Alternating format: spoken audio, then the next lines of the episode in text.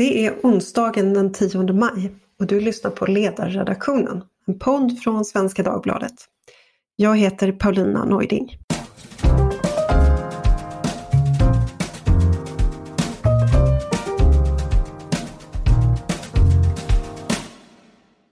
Efter att ha läst 73 förträffliga dikter om Ikaros önskar jag lägga ett ord för hans lantliga kusin, gossen Gråsten, kvarlämnad på ängen. Så lyder Ikaros och gossen Gråsten, en dikt av Verner Aspenström.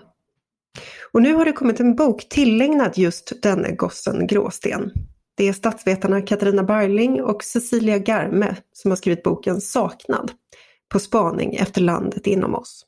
Om gossen Gråsten, om denna saknad och detta ofta gåtfulla land inom oss ska vi prata idag med författarna. Katarina Barling och Cecilia Garme, varmt välkomna till ledarredaktionen. Tack! Tack så mycket! Jag ska också säga att Cecilia, du är doktor i statsvetenskap och politisk journalist. Mm. Och Katarina, du är docent i statsvetenskap och skribent och du har bland annat medarbetare på denna ledarsida som kolumnist. Det stämmer. Vem är egentligen gossen Gråsten? Om vi börjar där. Han är väl den helt eh, vanliga människan som försöker leva sitt liv i, eh, utan, eh, utan åthävor, utan eftersträvan kanske att märkas eller göra någon karriär eller helt enkelt en människa som, som lever på så gott man kan. Mm. Jag, jag, tänker också, jag håller helt med, väldigt bra sammanfattat av Cissi, men jag tänker också att gossen Gråsten kan också vara en viss typ av läggning. Eh, alltså gossen Gråsten är den som kanske då inte vill flyga upp till solen eller inte vågar flyga upp till solen eller eh, som är lite mer nere i det jordnära och lite försiktig och kanske inte så optimistiskt lagd och kanske mer blickar bakåt än framåt. Mm. Ni inleder ju boken med att konstatera att Sverige har haft en stor demografisk förändring kan man säga under de här senaste 20 åren. Vi gick från att ha 11 procent utrikesfödda i befolkningen år 2000 till 20 procent utrikesfödda idag. Jag tror att det är till och med 25-26 procent om man räknar andra generationen. Eh, var, varför är detta viktigt? Varför är det viktigt att tala om överhuvudtaget? Det är naturligtvis viktigt att prata om stora samhällsförändringar och det är nog ingen slump att folkvandringstiden är en epok som alla historiker behöver känna till och som alla som läser historia behöver lära sig. Självklart så förändras ju eh, världen runt omkring oss när sånt, eh, sådana saker händer som att det plötsligt kommer väldigt många nya människor från en helt annan trakt och med helt andra språk. Mm. Och gossen Gråsten, det kan man föreställa sig då en människa som, som eh, betraktar den här förändringen och eh, ja, kan ha olika känslor och tankar kring det som, som är värda att prata om. Är det, är det så man ska förstå det? Ja, och jag tror överhuvudtaget eh, i Sverige, nu handlar den här boken utgår från invandringen och den stora förändringen, men det har ju skett annan förändring i Sverige också. Det, det, är lite liknande där, att det är på något vis, vi rusar på framåt. Eh, det ska vara framtidsinriktat, modernitet eh, är någonting att eftersträva. Och det är som att vi inte riktigt vill ta oss tid eller tar oss tid att stanna upp och fundera hur blev det här nu? Utan när en process väl är igång så ska man bara ta den för given. Eh, och det mm. gäller på många andra områden också. Jag har idag talat om digitalisering till exempel. Det här, vad, vad, vad följer i digitaliseringens spår? Eh, och den som räcker upp handen och säger vänta här nu, håller någonting på att gå förlorat i den här förändringssträvan, modernitetssträvan, löper stor risk då att bli kallad för bakåtsträvare eller oinsatt eller oförnuftig. Och som, som gossen Gråsten då, som kanske är den här som i den mån han har någon röst, kanske är den som räcker upp handen och säger vänta, jag, jag hänger inte med. Mm. Är det här någonting typiskt svenskt att tänka så här kring eh, tekniska framsteg? Du nämnde digitalisering, modernitet mm. överhuvudtaget. Vi betonar ju det väldigt mycket i boken, hur, vilket starkt värde moderniteten har och vi går ju nästan så långt så att vi beskriver det som en, en religion och det har, vi, vi nämner ju det här med frasen det var inte bättre förr som nästan måste tas upp i varenda samtal som handlar om någonting i det förflutna. Någon inom samtalet måste i alla fall säga det minst, minst en gång. Och det där gör att synen på det förflutna kan bli lite platt eller stum. För även när det förflutna innehöll mycket umbäranden och svårigheter så fanns det naturligtvis även då eh, fenomen eller minnen eller människor som var väldigt minnesvärda. Och även människor som har vuxit upp under svåra förhållanden kan ha en väldigt ljus bild till exempel av sin barndom. Och det är ju en sak som vi observerar när vi tittar tillbaka på den här eh, lilla samhället Smedjebacken då som ju spelar en central roll i boken. Just det, jag tänkte komma till Smedjebacken. Eh, Snillepanget hade jag inte hört talas om innan jag läste er bok. Eh, vad, vad är Snillepanget? Vad är det som är speciellt eller intressant med det? Det är till att börja med en fascinerande plats. Och jag hade hört talas om den för många, många år sedan. Jag minns den från, från Tingstens eh, memoarer. Och det var ju alltså ett litet pensionat som drevs under en 20-årsperiod mellan 1930-talet och 50-talet i Smedjebacken i, i södra Dalarna. Och på grund av en mycket karismatisk pensionatsvärdinna så samlades där eh, åtskilliga av Sveriges tyngsta intellektuella med till exempel då Herbert Tingsten, statsvetarprofessorn och chefredaktören i spetsen, men också Ingmar Hedenius, eh, eh, filosofen, det var flera olika skribenter och sådär och tillsammans så var, utgjorde de en del av Sveriges intellektuella elit vid den här tiden. Och vi använder Snillepanget som ett slags urscen för det ögonblick då eliten i Sverige slöt ett förbund med folket. Det var då det socialdemokratiska samhället verkligen började växa ut. På den tiden så röstade ungefär 75 procent av alla eh, människor i Smedjebacken för Socialdemokraterna och de här eh, kulturpersonerna som kom var ju också vänster. Mm.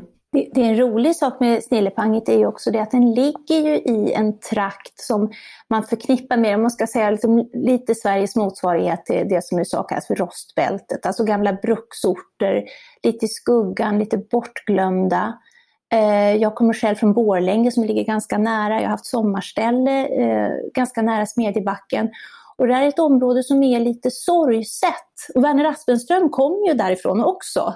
Så att eh, på något vis är det som att det är ingen tillfällighet att, att eh, Werner Aspenström såg och förstod det där. Eh, för han var i den miljön som var även tidigare lite i skuggan av, för det är ju eh, precis eh, vid Dalagränsen, gränsen mellan Västmanland och Dalarna som det här ligger. Och då hamnar man lätt i skuggan av det här storslagna Dalarna, Gustav Vasas äventyr och, och Siljan och Knätofsarna och det här glada, kända, folkloristiskt glänsande Dalarna. Och här är det lite mer sorgset, det är nära Dan Anderssons Dalarna. Eh, det finns ett vemod där och det är långt från Ikaros skulle jag säga, den här trakten. Då. Det är mer Gossen Gråsten, hela bygden.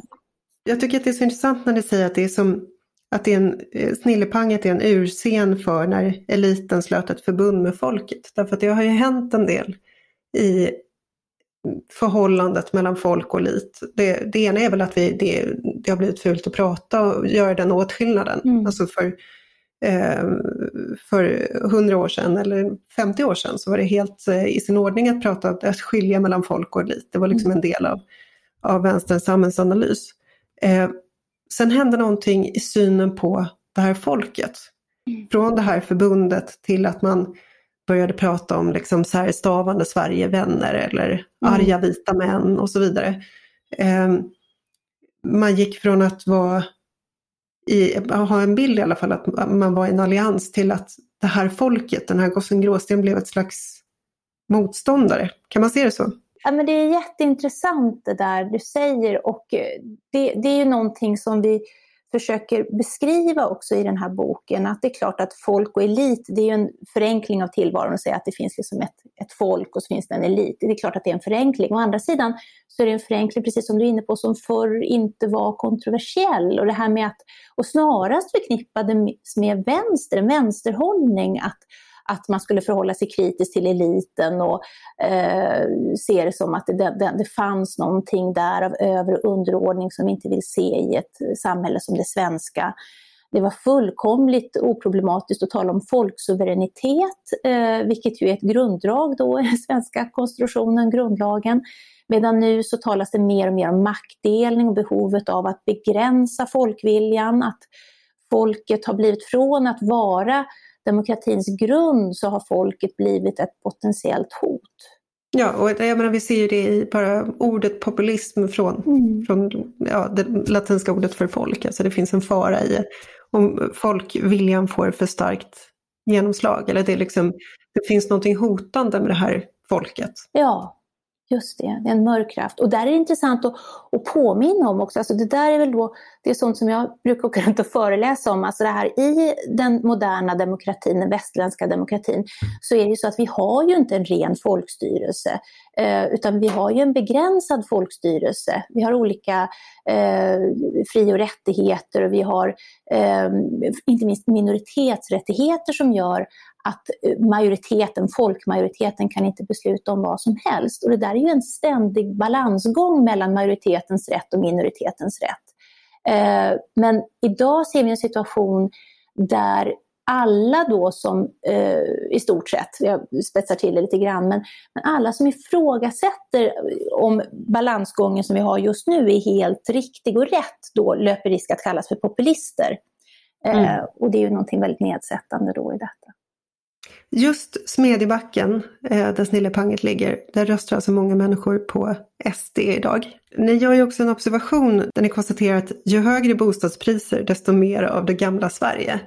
Cecilia, vad, vad, är det för, vad är det för observation som ligger i botten där? Bostadspriser, det gamla Sverige, människor röstar på SD. Vad, vad, liksom, hur ska vi förstå, hur hänger allt det här ihop?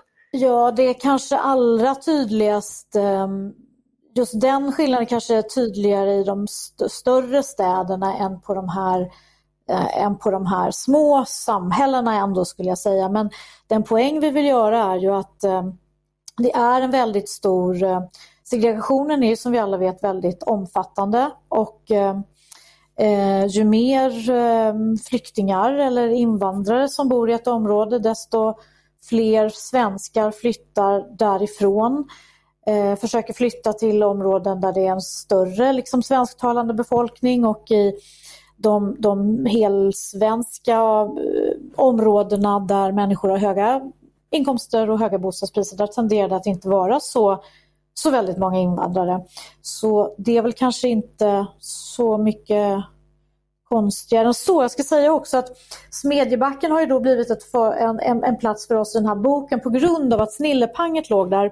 Det finns ju eh, absolut många orter där Sverigedemokraterna har en eh, ännu högre väljarandel än vad de har i Smedjebacken där faktiskt Socialdemokraterna har klarat sig eh, eh riktigt bra, mycket bättre än på många andra ställen. Men själva mönstret syns ju även där. Mm. Tendensen, ja. Och det där är så intressant för att det har ju funnits då också en form av, man, man beskriver mig, jag mö, mö, möter inte minst alltså i vardagen, människor jag möter, att det kan finnas ett förakt mot den här typen av, av orter, då ofta gamla bruksorter, eh, där Sverigedemokraterna är starka. Eh, och vinkeln på de här orterna är ofta just, ja de är hemska, de röstar på SD. Men man kan ju tänka sig en annan vinkel skulle kunna vara, ja men vilka fantastiska orter som har tagit ett så stort ansvar för att ta emot så många människor från andra länder och inte minst då flyktinginvandrare som har kommit dit. Men det är sällan det som är vinkeln utan vinkeln är snarast ja, de röstar på SD och de är förfärliga. Mm. Eh, och tittar man på staplarna liksom hur det ser ut eh, om kommuner är rika, mindre rika eller fattiga så, så ser man att det är liksom ett omvänt eh, det ser omvänt ut med flyktingmottagandet. Alltså ju fattigare kommun desto högre eh, flyktingmottagande i regel. Mm. Mm. Och, det, och det Katarina pekar på är ju, är ju väldigt viktigt därför att det, innebörden blir ju då att man inte riktigt erkänner att det faktiskt är en stor ansträngning och krävs väldigt mycket av den, naturligtvis av de som kommer men också av de som finns där för att förverkliga integrationen eftersom den ju just förverkligas i vardagen i, i skolor och på arbetsplatser och och gator och torg så att säga. Mm. Att det är som att den aspekten har glömts bort. Ja, jag, jag tänker på den här fina dokumentären i eh, SVT, eh, När världen kom till Ronneby. Mm. Som handlar om eh, det här stora mottagandet i Ronneby. Jag tror att många stockholmare, många människor som ja, i, i den liksom, eh, i åsiktsklassen. Eh, man, man, vet inte riktigt vad Ronneby är för någonting. Det, det är svårt att liksom, jag, jag, tror att, jag tror inte geografiundervisningen är så bra i skolorna längre, att man förstår vad det innebär att, att Ronneby förändras på det här sättet. Det, det är Tom Arland och Helene Rebells dokumentär, den här du mm. nämner. Och, och det, det, finns en, vi citerar en fråga där som är så bra, apropå det här eh, med hur vi i Sverige har sett på integration. För att vi skriver ju också om i boken det här med att vi har sett det som en abstraktion. Men precis som mm. Cissi nämner så handlar det om att möta människor i skolan och på arbetsplatser och i affären och sådär, och bostadsområdet. Och, och, I den här dokumentären så, så, är det då frågan inte så här, hur ser det ut med Sveriges, svensk integration, utan det är eh, Tom Arland som frågar en man där som undervisar i, i arabiska och svenska. Så han säger, är du integrerad? frågar han honom. Mm. Och, och, det är en fråga som man i stort sett aldrig hör ställas. Är du integrerad?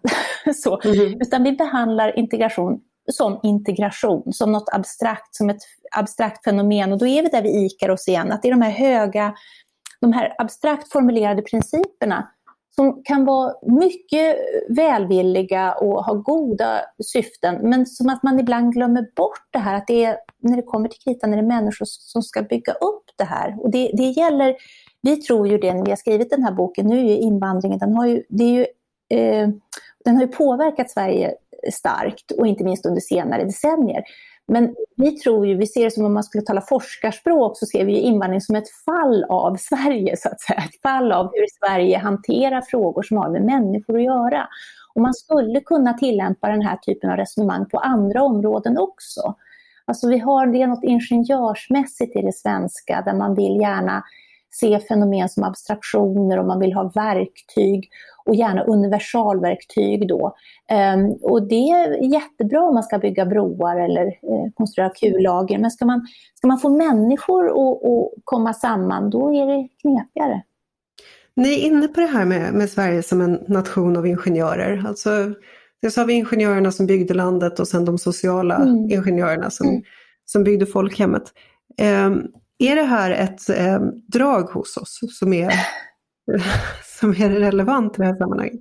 Ja, men alltså jag, jag tror absolut att det är så och jag ser det, det finns, det finns så, det, det har långa rötter det här och dels hur Sveriges, eh, liksom industrialiseringen av Sverige och vilken typ av områden vi har haft framgångar på. Det har varit ingenjörskonstens område sedan flera eh, flera hundra år men det har inte precis varit så mycket kanske psykologer och eh, berömda filosofer och Descartes kom ju bara hit för att, för att dö. Liksom. Men, men, men, sen, men sen som, när man sen kommer in på 1900-talet så, och vi har de här extraordinära omständigheterna eh, kring och efter äh, krigen, liksom, att där vi har en helt oskadd eh, industri och eh, vi har befolkning som är så intakt och män som är levande och så vidare. Och detta gör ju att genomslaget både för industrin men också för politiken blev så oerhört stort för att det var så oerhört eh, kraftfullt. Så att jag tror att den perioden också vande oss vid att saker gick att fixa. Att det inte alls bara var på industrins och teknikens område så att säga utan även på det mänskliga, den sociala ingenjörskonsten. Man, man, eh, man satte ett mål, man definierade sina verktyg och sen så skred man till verket. Så att den här mentaliteten förstärktes väldigt starkt också under, mm. under mitten av 1900-talet. Fredrik Lindström har ju observerat att vi i Sverige älskar allting som är osvenskt men det är ingen som riktigt vill åka över en osvensk bro. det sammanfattar väl. Och det man, man, också ska komma ihåg, och vi, det, det, är ju inte något huvudfokus men vi, men vi berörde också att det, var, det fanns ju också människor som kände även när, när saken generellt fungerade och alla kände att ja, men det är de det enda missnöjet är de stigande förväntningarnas missnöje som, som Tage Erlander formulerar och med rekordår och så vidare så, så, var det ju människor även där som kunde känna eh, en förtvivlan och ensamhet och kanske lite av gossen Gråsten, alltså tillbaka till den här, det här industriella tänkandet som tog över, man skulle skapa den nya mm. människan och sådär. Så att även i den tiden eh, kunde det ju finnas ett tillbakablickande, men det var liknande då, alltså att de, var, de såg som marginella eh, figurer sådär och fick ju ofta ett rykte om sig att vara då excentriska och, och så. Gunnar Ekelöf en sån, Sven Stolpe, eh, den här typen av... Lyckliga gatan. Ja, Lyckliga gatan.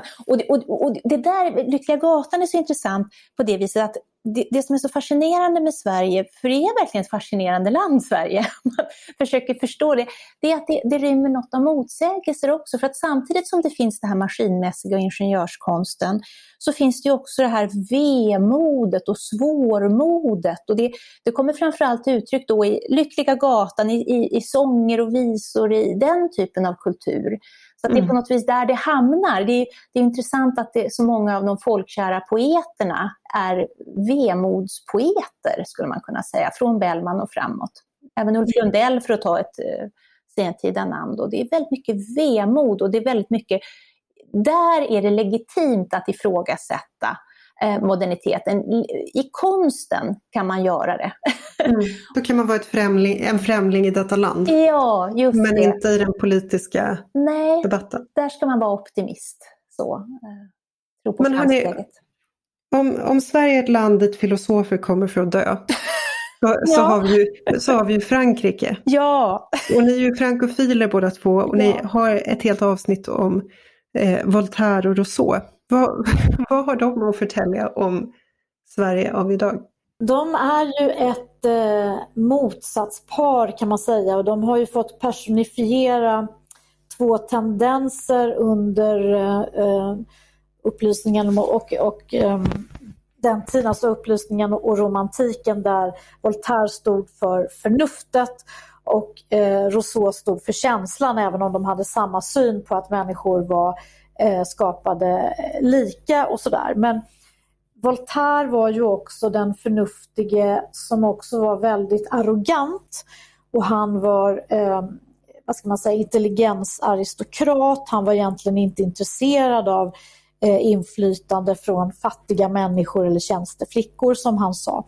Medan eh, Rousseau var ju, för honom hade känslan en principiell tyngd som vi också skriver i boken och eh, de stod mitt emot varandra och den kampen fördes egentligen under hela deras eh, vuxna liv. Och den konflikten finns ju i hög grad närvarande, har funnits eh, ända sedan dess och säkert tidigare också. Men vi ser den ju sen också återreproducerad kan man säga av Strindberg och, och Heidenstam i Sverige ett, 100 år senare där Strindberg och den förnuft, förnuftet och arrogansen och moderniteten, så att säga. Han, han, han var liksom vår Voltaire å ena sidan. Å andra sidan Heidenstam som stod för känslan och, och individen och, och ömtåligheten. Och, och som vi skriver så är det ju Eh, så är det Strindberg som vinner i Sverige och, eh, och, med, med, och drar liksom med sig då sin andliga anfader eh, Voltaire. Och,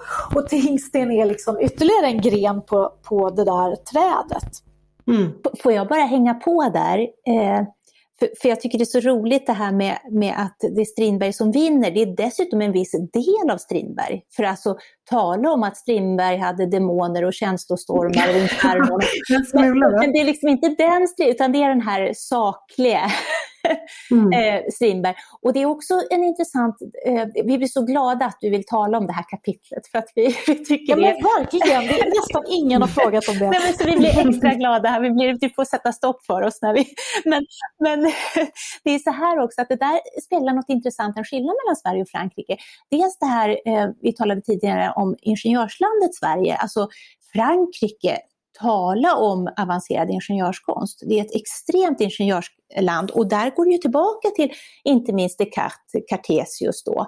Men det som är så intressant med Cartesius och med Frankrike, det är att det är dubbelt. Cartesius var ju både ingenjör och filosof.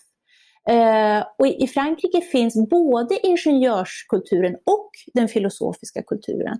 I Frankrike finns också både känslokulten och förnuftskulten. Alltså även om Voltaire är möjligen ännu större eh, i Frankrike idag, men eh, Rousseau var ju schweizare dessutom, men ändå eh, franskspråkig, så är det så att Rousseau är också väldigt, väldigt upphöjd i Frankrike. Medan i Sverige så är det som att det är bara Voltaire och Rousseau hamnar helt i skuggan. Så det där tycker jag säger någonting om, det är ju inte så att verkligen betona det, det är ju inte så att det inte finns andra ingenjörsländer än Sverige. verkligen inte. Mm. Men däremot så är det som att eh, det här ingenjörstänkandet har lagt sig som en filt över så väldigt mycket i Sverige. Och att det inte har funnits en, en filosofi som har kunnat balansera. Och det är också väldigt intressant. Jag roade mig, det här är många år sedan, det var när jag skrev på Twitter, så roade jag mig med att göra en sån här minigallup på, på Twitter om vad man tyckte på, om Swedenborg, Emanuel Swedenborg och i stort sett alla kommentarer jag fick om honom var nedsättande. Att han är änglaskådare och galen och inte klok och sådär. Eh, mm. och det roliga med Swedenborg är ju att han var ju bergsingenjör och framstående sådan. Eh, mm. Skapade upp, alltså ett geni verkligen. Men han, var, han hade, han hade så att säga både Voltaire och Rousseau i sig. Och, det är som att, och han är ju större utomlands, inte minst i Frankrike är han ju större än vad han är i Sverige. Här ses han ju som ytterst suspekt. Så. Mm. Och, och, det är ganska intressant det där hur vi förhåller oss till en sån som Swedenborg. Det är som att vi inte riktigt eh, orkar med att han kombinerar eh, den utlevande känslan och kanske rent av liksom det här som är på gränsen till egentligen någon sorts förnuft i, i grundläggande mening. Och förmågan att bygga en apparat eller en bro. Och det, här, det här leder oss fram till här, frågan om känslor inför, inför samhället och känslornas roll i offentligheten när vi pratar om samhällsutvecklingen. Hur, hur får man känna och var går gränsen för vilka känslor som är acceptabla? Och där pratar ju ni om en känslokorridor. Ja, vi menar ju att den finns, eh, det finns inte bara en åsiktskorridor utan att det finns en känslokorridor och eh, eh, som anger egentligen vilka känslor som är fina och tillåtna att känna och vilka känslor som är, ligger utanför. Och där vi menar att det är ganska tydligt att det som handlar om tillbakablickande känslor som, eh, som saknad då eller som eh, resentiment också som ofta är, är inblandat när man kritiserar någonting för att man, man, man längtar tillbaka. Eh, och det är Karin Johannesson som har skrivit så fint om eh, att det finns känslostrukturer.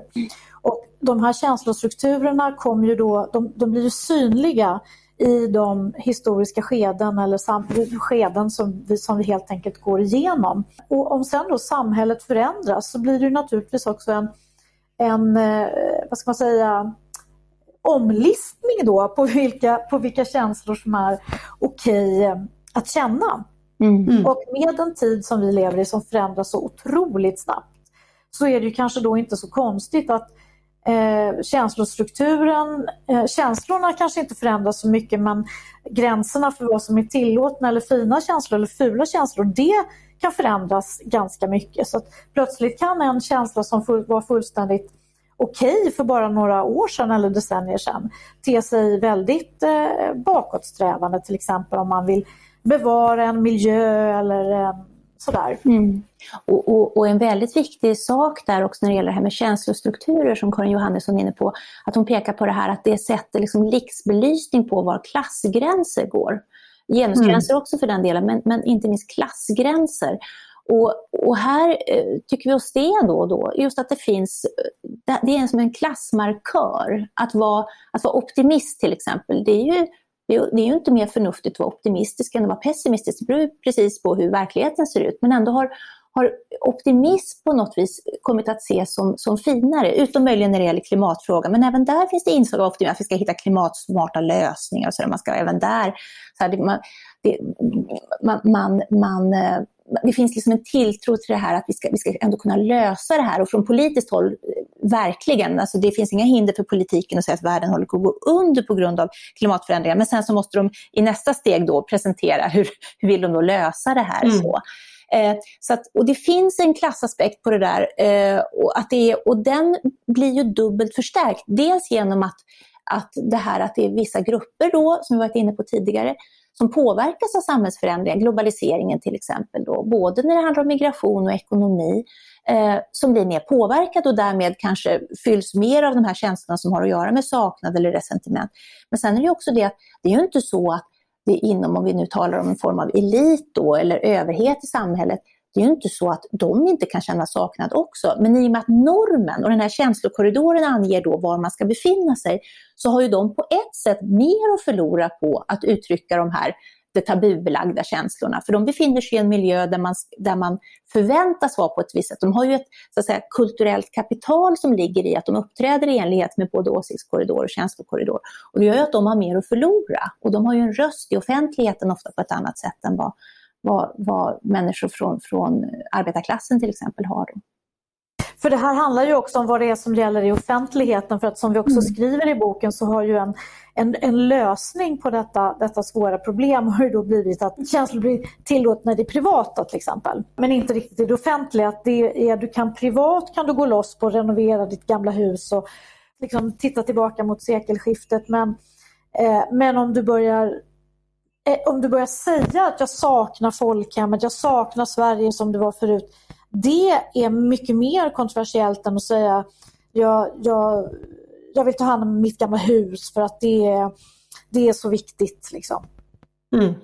Jag ska spela upp ett klipp här för er. Eh, från när Uppdrag granskning besökte Almgården. Det är för tio år sedan. Och man stötte på då en en 50-årig kvinna och hennes vuxna dotter. Som, dottern hade då också ett barn på armen och så berättade de så här. Alltså det är inte som när man var liten. Jag är uppväxt här också. Mm. Vi kunde ju göra vad som helst, springa ute hur länge som helst, hur sent som helst. Men idag man vågar knappt gå ut med hunden. Ja, det är många som inte alltså, vågar gå ut. Här är så mörkt. Och... Vad är det då? Vad beror det på? Det. är så mycket kriminalitet, kriminalitet och missbruk. Och... Alltså, vad tänker ni kring det här? Det finns ju ändå sätt för ingenjörerna att upptäcka att allting inte går så himla bra på det här området och vi eh, skriver ju om tillitsbarometern som vi har tittat på som eh, Lars Trädgård och kompani gör på Ersta Sköndal högskola. Det de gör är att de mäter eh, det man kallar lokalsamhällets tilliten. Eh, till skillnad från då den eh, mera allmänna sociala tilliten och den institutionella tilliten som gäller förtroendet för institutioner. Och då kan ju de, eh, lokalsamhällstilliten handlar om i ditt område eller i ditt lilla samhälle eller i din stadsdel, hur trygg känner du dig? Och på just den analysnivån så har man kunnat se väldigt stora förändringar de senaste tio åren, eller mellan jag tror att det är mellan 2009 och 2020 som, som de har mätt. Och, eh, där är det ju då orter som har haft en väldigt stor eh, invandring som har fått i vissa fall dramatiskt fallande eh, tillit, alltså lokalsamhällets tillit. Och jag tror att Ronneby är en av de städer som, eh, där, det har, har, där det har sjunkit allra mest. Och då, de frågor de ställer kan vara till exempel, vågar du gå ut eh, efter mörkrets inbrott. Eh, så det där är ju också svårt att, alltså det, det är någonting som även ingenjörer bör titta på kanske och begrunda varför det har, varför det har blivit så här helt enkelt. Mm. Man ser ju också där att lokalsamhällestilliten är extra stark i, på Södermalm. Mm. Där, eh, där väl det är en, en tämligen homogen då befolkning. Eh, och eh, där det är väl extra lågt, inte bara Ronneby utan det kan också vara till exempel Rosengård. Eh, så att tilliten varierar och det har faktiskt att göra med hur många olika eh, befolkningsgrupper som finns där. Och det har man sett även i Göteborgs förorter. Där finns det väldigt få eh, människor med svensk bakgrund men det har ju de senaste eh, åren eller decennierna kommit ännu, ännu fler nationaliteter än vad det fanns från början och i takt med det har också lokalsamhällstilliten eh, sjunkit där. Katarina, vad tänker du? Det som också är en del i det här är ju det att eh, i de här områdena där, där risken att eh, råka ut för brott är som, är som högst, där, där bor det ju också fler invandrare. De är starkt överrepresenterade där. Eh, så det där är också en del i det här. Så där, där korsas ju klass med, med eh, om man kommer från Sverige eller inte. Så blir det ännu starkare. Och jag vet, vi citerar ju Peter Esaiasson har skrivit en bok om förorter, om ett par förorter till Göteborg. Och om jag minns rätt här nu, vi citerar en man där som säger så att ja, men jag, jag bor inte i Sverige, jag bor i Bergsjön. Exakt, men det hör man ofta. Jag tycker man hör det hela tiden när, när det är liksom konfrontationer med journalister som kommer till ett utsatt område och blir, ja, får stenkastad på sig eller det händer någonting och så, säger, så är det alltid någon som säger, hörni det här är inte Sverige. Ni ska ha klart för er att ni är inte i Sverige. Ja, ja. och han säger det absolut inte på något aggressivt sätt utan det är mer mm. som ett konstaterande. Ett annat av våra kapitel som handlar om det här med nationalism. Och det här att i Sverige så ser vi oss inte som nationalistiska. Men däremot, och där tar vi också inspiration från Tingsten. Man kan säga att Tingsten, Herbert Tingsten löper som en röd tråd genom boken. Och han förde intressanta resonemang om nationalism. Och han, han pekade ut en viss typ av nationalism och han kallar för övernationalism. Och han beskriver den som, en, då har man liksom nått bortom det här med, med svenska flaggan och eh, Sverige är bäst och sådär. Utan då har man liksom nått ett steg till där man, där man ser sig själv som mänsklighetens liksom, kvintessens och ur, man är urmänniskan. Eh, mm. och, och det där är ju en sorts universalism då, där man ser sig själv då som, som själva grunden för det mänskliga. Uh, och han beskriver det som att Frankrike är väldigt präglat av det där, det ligger liksom i upplysningsarvet. Men, men vi pekar också på att det finns någonting i Sverige, inte minst de senaste decennierna, som, som präglas av den här övernationalismen, att det finns inga kulturer, alla människor är precis likadana och särskilt är de likadana som svenskar. Mm. Eh, egentligen, om de bara, om de bara får, får, får förstå eh, och vara här mm. tillräckligt länge, då kommer de att bli som svenskar. Det finns något av det där övernationalistiska. Och det kan ju på, på ytan låta väldigt eh, generöst och öppet och sådär. Men i själva verket så är det ju ganska förmätet att gå omkring och tro att det är man själv som är någon form av mönster för hur människan eh, ska vara. Eh, och för att återknyta till den här flickans fråga då, så kan det ju vara så att när man möter andra kulturer från andra länder så kan det ju vara så för svenskar då att möjligen de som då tror att det finns inga kulturella skillnader upptäcker att det faktiskt gör det. Och att vi svenskar, om jag får säga så då, kanske har svårt att klara av kulturella skillnader. Vi kanske inte alls är så vidsynta och öppna som vi tror att vi är. Men det kanske är först mm. när vi möter det som är annorlunda och olikt oss själva som vi upptäcker att vi har svårt att klara av avvikelserna. Och, och, och, då vill jag bara säga det att det här behöver inte alls bara handla om invandrare och svenskar, eller infödda svenskar på det här sättet, utan det här tycker jag man kan se på många olika områden. Gå till ett vanligt personalmöte, eh, nu ska vi ha högt i tak och alla tankar upp i luften och sen kommer någon med en lite avvikande tanke och det räcker för att den ska bli milt men vänligt tillrättavisad. Eh, att ja, nej men så fritt ska vi kanske inte tänka och det där har vi prövat förr och det går inte. Så det finns något lite fyrkantigt skulle jag säga Eh, i den, i den svenska kulturen som inte alls så självklart gillar det som är olika. Vi gillar det olika i princip, men när vi konfronteras med det som är olikt vårt. Vi har ju ett kapitel just som heter Svensk kultur och där så börjar vi med att faktiskt säga vad är, vad är kultur? För att redan där så är det ju många genom de senaste åren som har, har, har kommit ihop sig och ska efter, man ska då ge hela listan på vad som är, är svensk kultur. När, när, kultur då med det antropologiska sätt att se det som vi har i den här boken så är ju kultur väldigt mycket. Eh, det, är, det kan vara både språket, det är värderingarna, det är eh, sätt att vara, attityder, det är enormt stort och Eh, och enormt rikt. Och vi trodde faktiskt att det som skulle få mest uppmärksamhet kanske i boken och eh, vi tänkte här kommer folk bli väldigt arga på oss. Det är när vi säger att ja, med det här antropologiska sättet att se så är det faktiskt helt okontroversiellt att säga att det finns svenska värderingar. Det betyder bara att det är värden som har en hög ranking i Sverige och som är vanligt förekommande mm. i Sverige. Mm. Ungefär som man säger att det finns svenska fåglar och, och svenska träd. Men, men faktum, är att, mm. faktum är att ingen har har hoppat på oss för det, eller hur Katarina? Nej, och det, jag vet inte om det kanske, det kanske har satt sig nu. Jag, jag vet inte vad det beror på. Det, för det är vi också inne på, alltså det här märkliga i Sverige att, att på något vis så, så svänger det väldigt kraftigt när det svänger. Och att Jag kollar bara på NATO-debatten. Ja, den är ett väldigt bra exempel. Att det som har varit fullkomligt eh, så här, utanför alla korridorer att tycka. Mm. Sen plötsligt en dag, man vet inte riktigt hur det gick till, men plötsligt så är det det som, som gäller. Och, mm. och, och, och, det, kan, det kanske vi kan se också i exemplet med den, med den svenska kulturen, att det kanske är helt eh, eh okomplicerat att säga att det finns en svensk kultur idag. Jag ska säga det också, vi började skriva den här boken för nästan fem år sedan. Så det, det, är också det att saker har förändrats under resans gång och vi skulle ju gärna ha kommit ut med den här boken tidigare men vi har inte hunnit helt enkelt för vi har ju vanliga arbeten som vi ska försöka sköta också. Men men det är möjligt att vi är präglade av hur det var då när vi har skrivit, att vi kanske ibland slår in dörrar med en väldig kraft som i själva verket är vidöppna, men inte var det. Men jag håller nog, jag håller nog kanske inte riktigt med om det här alltså att NATO är, där har det gått väldigt snabbt med svängningen, men jag kan nog inte tycka att det har varit kontroversiellt på samma sätt som, jag menar det är några, man har alltid vetat att, eh, att Liberalerna har eh, har velat ha NATO sedan 99 och Moderaterna sedan ett antal år också och så vidare. Och det man har, även om man inte hållit med dem så har man ändå eh, de som inte hållit med dem har ändå respekterat att de har haft dem. Det har inte varit något konstigt att vara för Fast om man, om man ser från andra hållet kan man ju säga att det har ju att vara motståndare till NATO nu, om man tar från det hållet, är mycket mer kontroversiellt. Ja, du menar nu? Ja, är mycket mm. mer kontroversiellt nu än vad det var för bara några månader sedan.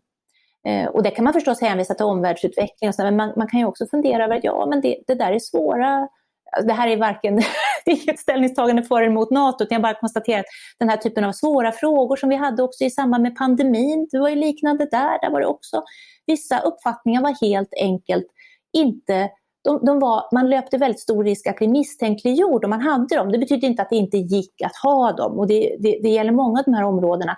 Men det är så att vissa uppfattningar måste man argumentera för på ett helt annat sätt än andra uppfattningar. Och så uppfattar jag att det är med motstånd till NATO idag. Det är inte så att man inte kan vara motståndare till NATO, men för bara några månader sedan kunde man vara det utan, utan vidare på ett helt annat sätt. Och jag skulle säga att det här gäller inte bara NATO, utan det gäller ett antal områden. Så att, eh... jag, jag, tänker på det här med, eh, det, jag tycker inte det är så länge sedan som man alltid när man pratade om svensk kultur så sa man, ja men tomten är ju tysk och midsommarstången är också tysk och egentligen så, så har vi ingen svensk kultur. Och, vi, och visst, är det, visst är det skönt att vara överens säger man och så går man vidare. Ja. Och, men eh, det kanske är mindre av det nu. Ja, kanske är det det. Och det som är så intressant med det där, det minns jag från när jag var barn. Då, då var det varje jul så var det Ebbe Schön som gick igenom, det var så fantastiskt, en etnolog, han gick igenom olika sederna runt jul och pekade på var de kom ifrån och så. Och det var ju inget konstigt med det, det hade ju liksom ingen politisk laddning. Men det är det att under mm. senare år, eh, de senaste decennierna så har det där kommit att få en politisk laddning. Det är liksom inte bara ett etnografiskt intresse utan det är ett politiskt intresse i att reda ut var sakerna kommer ifrån. Och, och, och, det där blev ju särskilt tydligt då för eh, när Sverigedemokraterna kom in i riksdagen. Alltså då blev allting som hade att göra med kulturarvet, från, från musiken till folkdräkterna blev ju då otroligt kontroversiella. Ja. Och, och, och det som är viktigt att komma ihåg när det gäller kultur, det är ju inte så att bara för att man säger att det finns en svensk kultur, den är ju ett, en, en blandning av jättemånga olika saker. Alltså det är inte så att så, så att, eh, det, det, men men det, kan, just den här, det är viktigt ändå att den här blandningen som finns i Sverige, den är möjligen unik. Det är lite annat blandat på ett lite annat sätt bara i Danmark, eller Norge eller Finland. Alltså, man, det, det, betyder heller inte att det, eftersom den här kulturfrågan lätt blir så infekterad, det finns också skillnader inom Sverige förstås. Det finns olika kulturer. Jag har ägnat en stor del av mitt så att säga, hela forskarliv åt att reda ut olika kulturella skillnader inom Sverige. Och jag tror det är det där att det finns något i det här att man ser om det finns en svensk kultur så är det som att man gör anspråk på att säga att det är fullkomligt, att ingenting har kommit någonsin utifrån och att det inte skulle göra det möjligt för variation inom den här kulturen. Eh, vilket är ett lite konstigt, ja, det är konstigt att man ska behöva förklara det. Och det, och det, vi, det vi upptäckte var ju också att det var en, det var en klassfråga. Det, det blev ju en klassfråga det här. Och att man kunde då, den som sa att den eh, visste att en eh, var, var svensk liksom kunde då bli tillrättavisad att nej det finns egentligen inga svenska uttryck eller egentligen är de europeiska. Och det blev ju också alltså nästintill en, en, en härskarteknik då att säga att det här är minsann internationellt eller utländskt och det är inte alls svenskt. Alltså ett tillrättavisande som också skapar en hierarki, jag vet mer, du vet mindre. Och de som då hävdade att jo men det är nog ändå lite svenskt här med tomten. ja, och det, det, liksom det, det som är intressant också tycker jag är att man när man låtsas att det inte finns någon svensk kultur, alternativet är nästan att vara, att vara chauvinistisk och säga så här, nej men det är ju bara att vara rationell i största ja. allmänhet. Om vi bara är rationella ja. i största allmänhet så kommer vi ju mötas i det här svenska. Ja, liksom. det är det övernationalistiska. Mm, exakt. Hörrni, jag vet att jag skulle kunna prata hela dagen men jag vet att Cissi ska med tåget. Så nu, jag, jag tänkte bara ställa en sista fråga till er, nämligen vilka lärdomar tar vi med oss framåt från er bok? Vad, vad, skulle ni vilja att när man slår igen den här boken och ska eh, ge sig ut i den här svenska debatten, vad är det man ska ha med sig? L lite kort, Sissi. Jag önskar att man har med sig insikten om kulturens betydelse och det förflutnas betydelse för människans känsla av trygghet och eh, kontinuitet. Det är ganska viktigt och jag tänker att man i all samhällsplanering inte minst en sån sak som flyktingmottagningen till exempel, måste behålla det i minnet så att man inte som, klampar för hårt eller för tungt över, över människors känslor bara för att man inte ens förstår att de finns. Så att om vi kan ha bidragit till det så tycker jag att vi har gjort en liten insats. Katarina, har du något tillägg? Ja, nej men alltså det här med historien är ju någonting det här att vi, vi, vi hela tiden bär spår av. Vi återkommer till ett citat av William Faulkner som sa det att det, det, det, förlut, det förflutna är inte dött, det förflutna är inte ens förflutet. Att vi, vi bär med oss så mycket från historien som vi inte tänker på men som präglar oss eh, på djupgående sätt. Det är väl det ena och det andra är också det här att förhoppningsvis, alltså det här tänka på att ja, men även människor som inte har en stark röst i offentligheten kan också ha något av värde att säga. Mm. Även den som inte har en stark röst kan ha någonting av värde att säga. Det är, det är goda slutord hörni. Tack snälla för att ni var med Katarina Barling och Cecilia Garme. Tack så mycket. Tack så mycket. Tack så mycket för att ni var med och tack till dig som har lyssnat på ledarredaktionen idag. Jag heter Paulina Neuding. Vår producent idag var Jesper Sandström som vanligt och boken vi har pratat om hette Saknad på spaning efter landet inom oss. Hör jättegärna av dig till oss om du har förslag på någonting som vi ska ta upp framöver eller om det är någonting som vi ska tänka på nästa gång. Tack så mycket och vi hörs snart igen.